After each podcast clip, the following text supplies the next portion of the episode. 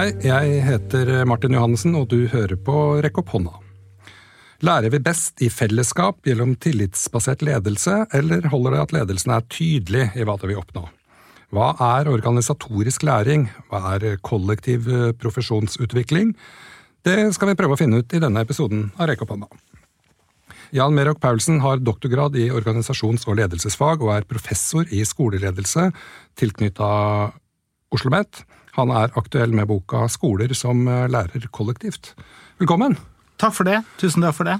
Det er jo nå sånn at um, Oslo og Viken og sånt er jo ganske sånn koronastengt. Akkurat når vi spiller inn uh, dette her. Og Oslo Met, hvordan står det til der? Er det elever eller ingen? Nei, det er nedstengt. Og hjemmekontor og digital undervisning. Ja. Eh, En periode i august-september hvor førsteårsstudenter ble eh, priorisert. Eh, Og for så vidt servicefunksjoner var åpne da, men eh, så har vi blitt sendt tilbake til hjemmekontor. Ja, Åssen holder du ut det? Eh, ja, du kan jo spørre studentene hvordan de holder ute. Jeg har nok mye greiere. Eh, Det går jo veldig mye på digital undervisning, da. Ja. Eh, Og jeg, som mange andre, har jo gjennomgått en ganske bratt læringskurve Mm. når det gjelder å bruke teknologien. Og ikke minst å organisere disse forskjellige virtuelle grupperommene og sånt. Uten at jeg dermed mener at det kan erstatte de fysiske samlingene. Nei, det er jeg helt enig i. Jeg syns ikke digital undervisning funker. I hvert fall ikke den jeg har klart å produsere. Men, eh, Altså for voksne, eh, i, hvis vi tenker forelesningsmodus, mm. så går det an å gjøre det til et veldig godt sur surrogat. Ja. Men det er et surrogat. Ja, nemlig. Det, er det. Eh, Litt inn mot temaet i boka, så er jo pandemien det vi kaller et eksternt sjokk. Ja. Og Det betyr jo også at skoler, lærere, lærerteam, grupper, skoleledere har lært mye. Eh, Rett og slett påtvunget. Eh, Det har vært interessant og, veldig interessant å observere. Jeg har jo observert det gjennom tre barnebarn også, Ja. eh, hva de har mottatt og hvordan de responderer på det. ja. Jeg har også hatt gleden av å intervjue ledere om hvordan de har håndtert pandemien sammen med lærerne sine. Eh, Og det som de beskriver, det er at den gjensidige avhengigheten den øker. ja. Men hva, hva, hva sier lederne nå? Eh, De sier jo at det har vært veldig arbeidskrevende. Ja.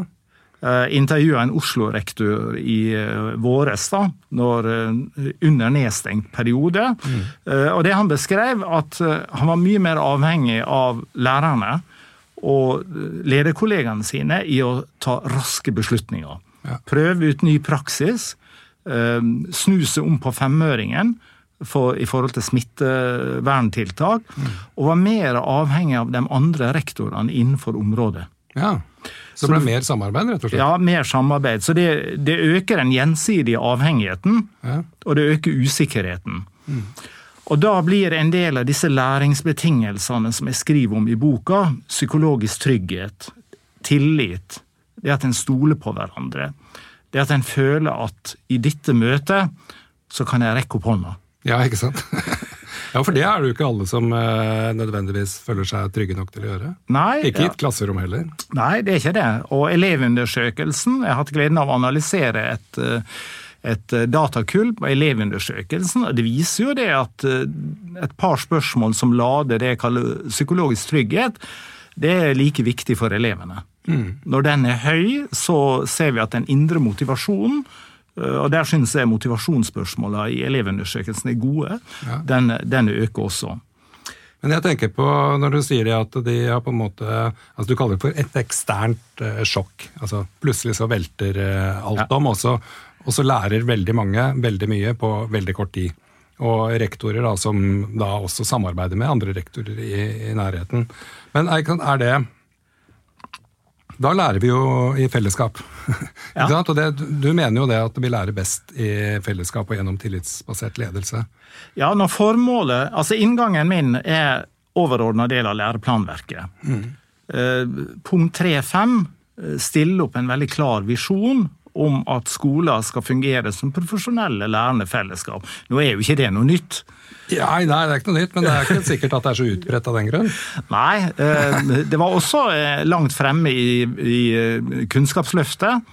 Og det har vært veldig sterke tradisjoner. Jeg fant bl.a. i min doktorgrad innenfor yrkesopplæringa, uten at det var så veldig beskrevet og omtalt, så hadde man tra tradisjoner for det. Men slik jeg leser overordna del, så, så signaliserer de en sterk forpliktelse om å delta og delta om viktige spørsmål. Mm. Vurdering, deling av praksis og en forpliktelse for ledere til å tilrettelegge. Mm. Men eh, jeg, altså det her er jo gull i veldig manges uh, ører, uh, antar jeg. Men det, hvilke måte hinder er det vi møter på i skolen for at det her ikke lar seg realisere? Ja, Det klassiske hinderet er jo en tidligere lærer. Ja. og så utdanna på 70-tallet, eh, hadde praksis på 80-tallet, godt eh, utdatert, vil jeg kanskje si. Um, men når jeg var lærer, så var jeg ansett for å være en ganske ok lærer. Eh, svært ansett. Og hvis du da hadde spurt meg da i 1980 hva er det som gjør at du er en godt ansett lærer? Så ville jeg gitt noen sånne vage forestillinger. Ja, jeg planlegger noe ganske ok, og jeg prøver å være forberedt til timene og sånn. Men hvordan jeg fungerer som en situasjonsbestemt leder, og hvordan jeg håndterer det store relasjonsspillet i klassene, det ville jeg ikke hatt veldig lett for å artikulere. Nei. Det omtales som taus kunnskap. Ja, nemlig. Og det er jo er ikke det, Du har vel det som et uh, helt eget kapittel også, det er om taus uh, ekspertise i løst uh, koblede systemer? Ja, ja, jeg har det. Og det er et viktig poeng. Fordi at en del av den viktigste kjernekompetansen som vi har i skolen, den vil også være delvis taus. Situert i det komplekse samspillet mellom elever og lærer. Og kan si, Hvis vi skal lære sammen, da, så må vi vite noe om det. Vi kan selvfølgelig sitte og snakke om det, og da blir det omtrent som om du hadde intervjua meg i 1980. Ja, jeg ser an klassen og ser åssen det går, og prøver å være forberedt og sånn. Eh, men observasjon er veldig sterk metode her. Eh, og jeg vil jo kanskje sånn, jeg tar jo opp til drøfting det at to kollegaer danner et læringspar. Observerer hverandre gjensidig ta med dette inn i et lærerteam eller en lærergruppe, da får du åpna mye av den ekspertisen. Mm. Jeg hadde jo gleden av å eksperimentere litt med det med rektorer eh, på et av våre program Skolemiljø og ledelse, hvor vi la det inn som arbeidskrav. Ja. Eh, de skulle observere hverandre i utprøving av tiltak, og de skulle bli observert. Vi danna I et kull på 60 rektorer så danna vi da 30 læringspar. Eh, og evalueringene var helt entydige. Det hadde stor verdi å observere, mm. og å bli observert av en ekspertkollega som en har tillit til, og få del i de observasjonspunktene. Mm. Uh, og det er jo for så vidt ikke noe sånn eh, revolusjonerende nytt i dette. Da jeg var lærerstudent, så skjedde dette i øvingsskolen. Ja. jeg ble sterkt oppfordra til å prøve nye ting metoder, f.eks. introduksjon av X for en tredjeklasse, mm. var uforglemmelig erfaring. Ehm, og øvingslæreren observerte meg, medstudentene observerte meg, og så satt vi i et team og diskuterte observasjonene, refleksjon, dialog.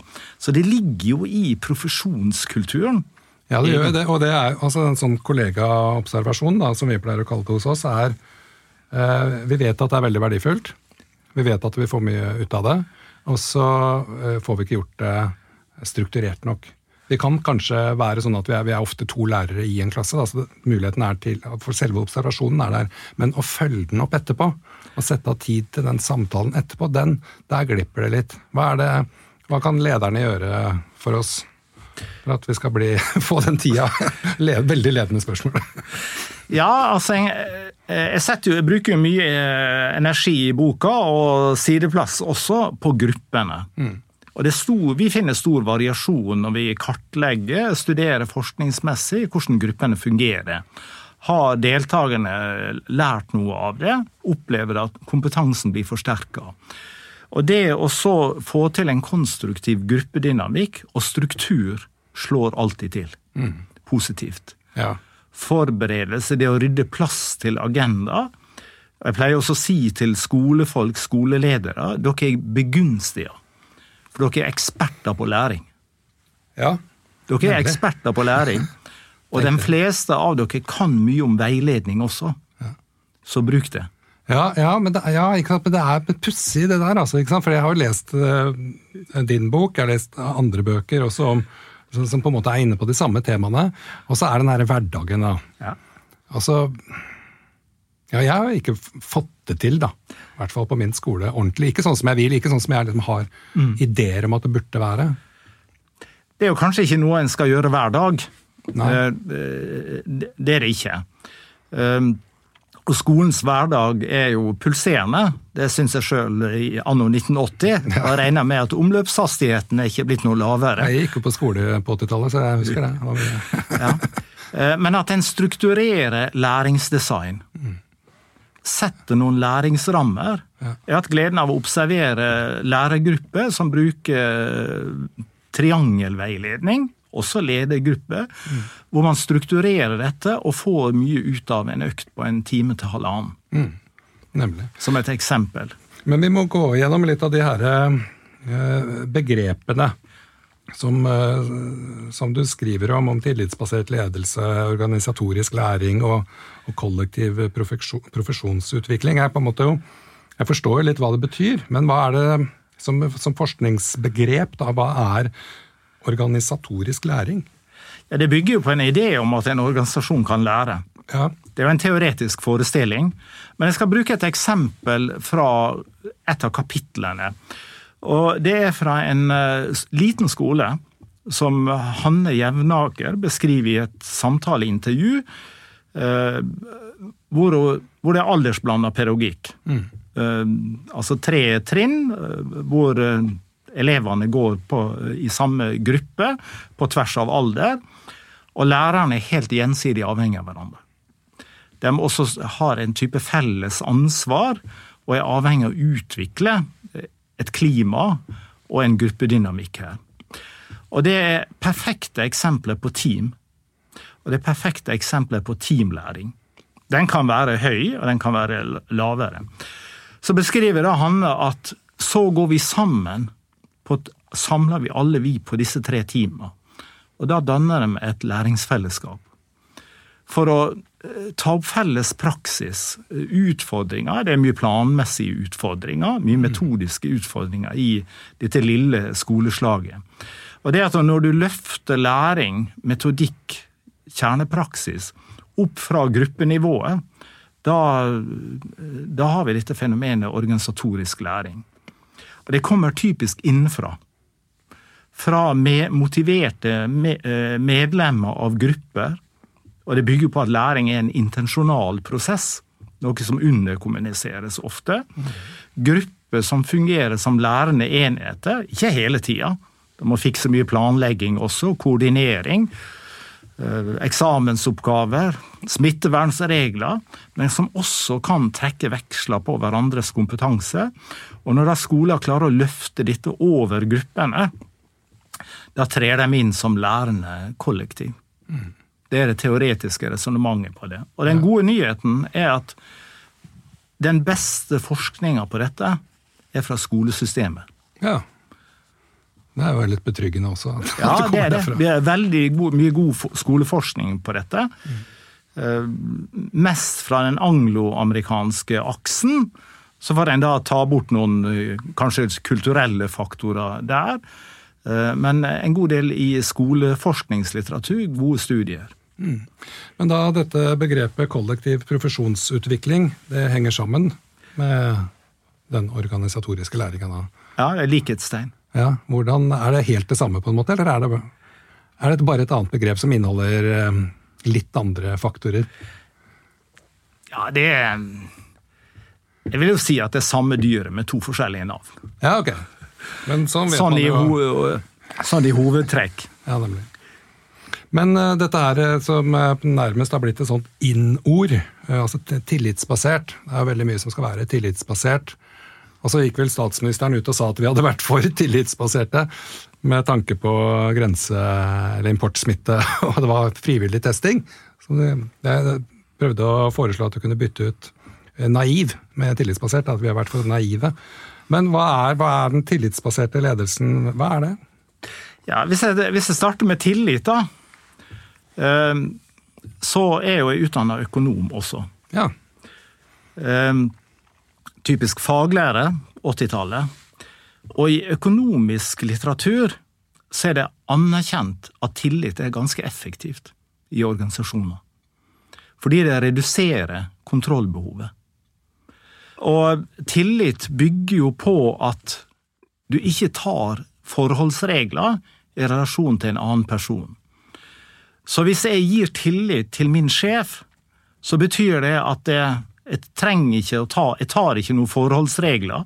Jeg sjekker ikke og kontrollerer motiver. Eh, undersøker ikke kompetansen, men jeg tar en sjanse. Og så dreier tillit seg om viktige saker også. Filosofer som Jon Elster, Harald Grimen, innfører jo viktighet som en dimensjon i tillit. Sånn at det, det er kraftige saker. Og så viser det skoleforskning på bl.a. amerikanske urban schools i krevende områder, i, henne, eh, i betydning av elevens sosioøkonomiske bakgrunn, at dersom skoleledere og lærere utvikler tillitsrelasjoner til hverandre. Til foresatte. Til kanskje skoledistriktet. At du får nærmest sånne nettverk av tillitsrelasjoner. Så viser empiriske studier at det gir en forbausende effekt helt frem i det en måler læringsresultatet. Men, så det er ikke bare vent og vakkert og pent. Nei, det er, eh, det er, faktisk nei, det er effektivt ikke, også. er jo ikke det, men samtidig så blir det liksom brukt og misbrukt litt òg. Altså, ja. Vi har tillitsreform og vi har alt dette, men hva, er, sant, hva, hva, vil det gå ut på for meg som lærer? da? Hvilken, hvordan kan jeg merke at liksom, eh, Skole-Norge har en tillitsbasert eh, ledelsesstruktur eller idé? Du vil observere det i det vi omtaler som autentisk ledelse ledere som bokstavelig talt tar sin egen medisin. De opptrer i tråd med de normene de predikerer. Ja. Det er en viktig eh, komponent. Du står på etiske standarder, og de står du på i praksis, slik at det er observerbart. Men kan vi ha tillit til at eh, skolelederne skal altså, bedrive en tillitsbasert ledelse, eller trengs det på en måte noe politisk eller hvem er det som skal bestemme at vi skal være tillitsbaserte? Jeg tror ikke du kan bestemme det. Nei. Ehm, det er også en motsetning. Det er også motsetningsfylt, fordi at det skriver jo også at det er et symbiotisk forhold mellom makt og ledelse.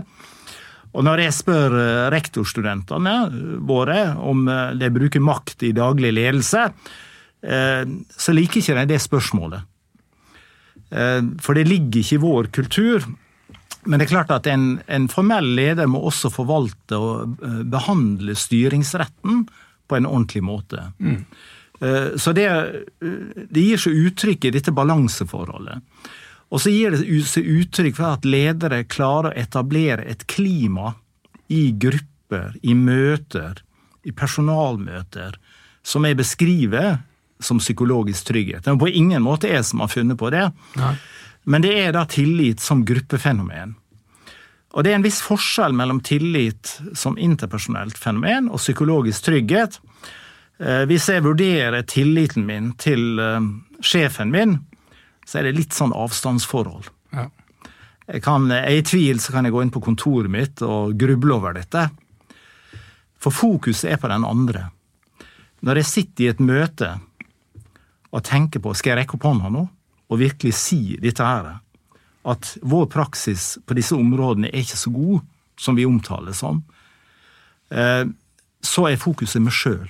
Mm. Er det trygt for interpersonelle sanksjoner at jeg nå kommer med eh, Kall det negative informasjon, nye ideer. Tenk f.eks. på en ny assistent som står kanskje litt sånn lavest i statushierarkiet som kanskje observerer noe i skolegården, som er bekymringsfullt. Og da må det være rom for at vedkommende kan rekke opp hånda. Ja, nemlig å si hei, dette her, sånn kan vi ikke ha det. Sånn kan ikke vi ha det. Det er ikke så bra hos oss som det vi gir uttrykk for i festtalene.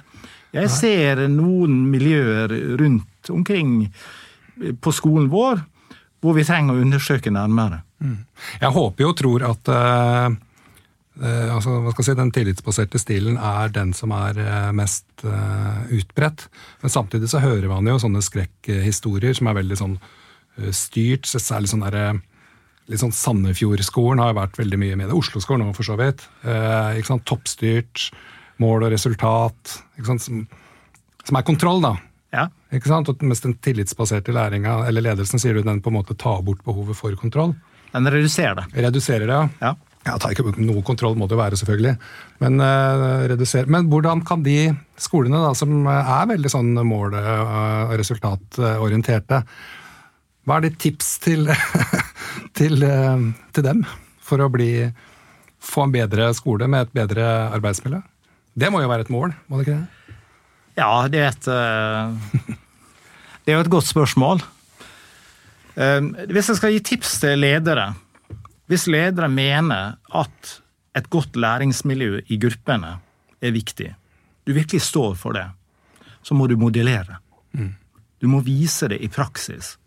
At i møtene våre, i de ulike Enten det er i rektors egen ledergruppe, i lærerteam, trinnmøter, avdelingsmøter, så er det rom for å rekke opp hånda og komme med det en har på hjertet av viktige ting. Det kan være mindre viktige ting også. Men det betyr ikke møteplageri. Nei, nei. Filibuster. Det gjør ikke det. Nei, ikke sant. Det... Men, men, når da noen kanskje ikke føler seg trygge på å, å si det i et formell møtesituasjon på skolen, da, så tyr de til lokalavisa isteden. Og, og, skriver den kritikken, da. Mot sin egen eh, skole. Og så skal man jo, ha, man jo være lojal, men man har jo også plikt til å si fra om I hvert fall rett til å si fra om ting som ikke er som det skal. Hva, hva skjer da? Ja, det skjer jo veldig mye forskjellig. Ja. Det gjør jo det, altså. Jeg skrev et helt kapittel om dette i hovedfagsoppgaven min på, på 90-tallet. Eh, altså ytringsretten Ytringsfriheten går veldig langt i arbeidslivet. Det er ingen eh, som helst tvil om. Men det er jo også en lojalitetsplikt. Og ingen av disse er klart definerbare. Eh, elevens interesser, altså du kan si i forhold til lojalitetsplikten, antar jeg, på ingen måte jurist, eh, vil ligge mye på elevens ve og vel. Men jeg tenker også at hvis en lærer eller to lærere fra en skole går ut i lokalavisa og kritiserer sin egen arbeidsplass, så regner jeg med at de har en god grunn. Eh, selv om de kanskje er urimelig i den kritikken, så er det noe der ja. som må ordnes opp i. Og så er det jo mange, som i hvert fall flere, som har opplevd at de eh, mister jobben eller eh, blir sykemeldt eller ikke orker å gå tilbake i jobb, og, og sier opp da etter hvert. Da da var jo på en måte hensikten med å skrive det leserinnlegget at det skulle bli bedre arbeidsmiljø, og så blei det ikke det fordi de forsvant, og ledelsen fortsatte som før. Hva, skjer, hva gjør vi da? Hvordan skal vi møte en sånn type problemstilling? da? Det trenger ikke ha noe fiksferdig svar på det, men det er jo tenk det sitter, sitter, helt, sitter noen lærere nå som ikke trives på arbeidsplassen sin, og som kanskje ikke tør å si fra. Og ikke veit hva de skal gjøre. Det er jo for åpenhet. Ja. Altså vi profiterer, altså all, Hvis jeg utdanner meg som forsker, jeg skal ikke gå inn og gi oppskrifter for hvordan folk skal lede og drive arbeidsplassen i, i skolen, men som forsker så er et åpent og tillitsfullt klima har alle fortrinn. Det har alle fortrinn. Mm. Uh, og jeg vet hva jeg ville anbefalt uh, ledere å gjøre. Ja, men du, Det syns jeg egentlig passer litt fint, for vi er nødt til å runde av eh, ja. om noen minutter. For det, det, det, er det jeg lurer på. Hva er dine tips da, til ledere? Ja, jeg ville jo eh, tatt et møte. Jeg ville ikke og, ikke, og ikke et møte av typen inn på teppet. Nei. Uh, og jeg ville jo hatt en veldig åpen dialog. Stilt noen åpne spørsmål, komme frem Få en åpen, symmetrisk samtale så godt det lar seg gjøre. Mm. For det vil alltid være at det ligger noen offisersstjerner og klaffer på skuldra til en formell leder. Men en mest mulig symmetrisk dialog for å komme bak hva er motivet? Hva er problemet bak ytringen? For det legger jo faktisk lovverket vekt på oss, at motivet for ytringen legges det stor vekt på.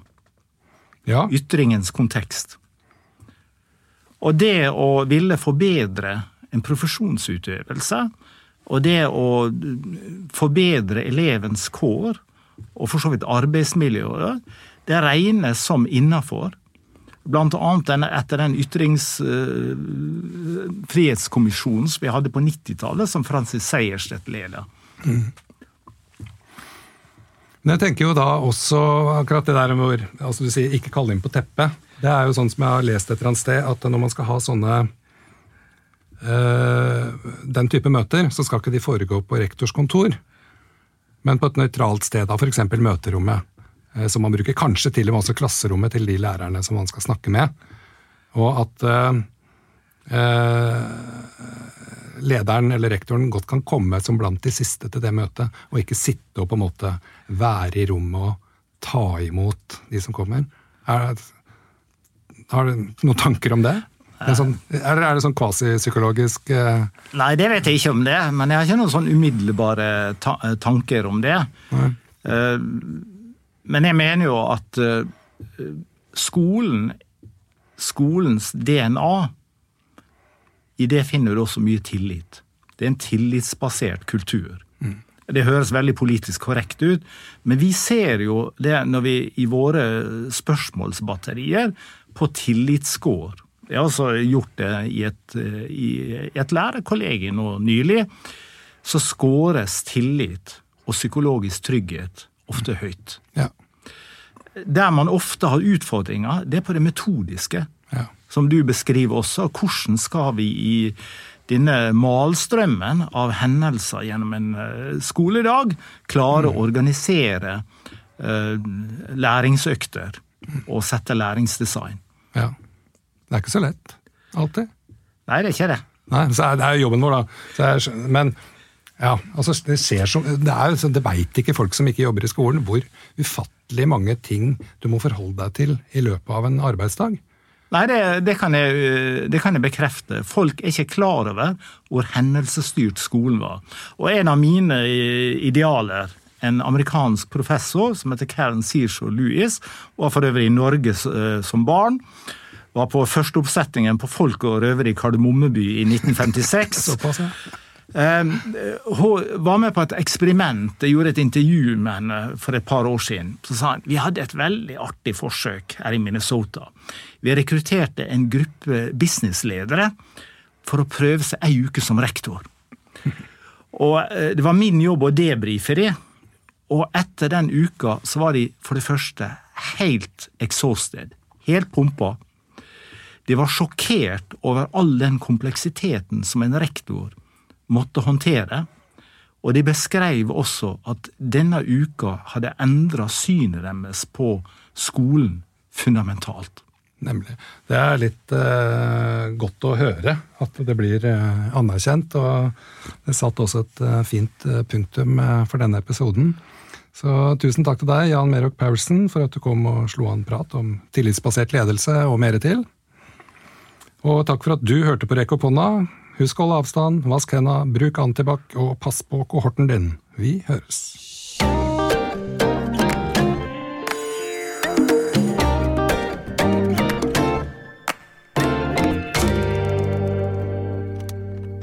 Produsert av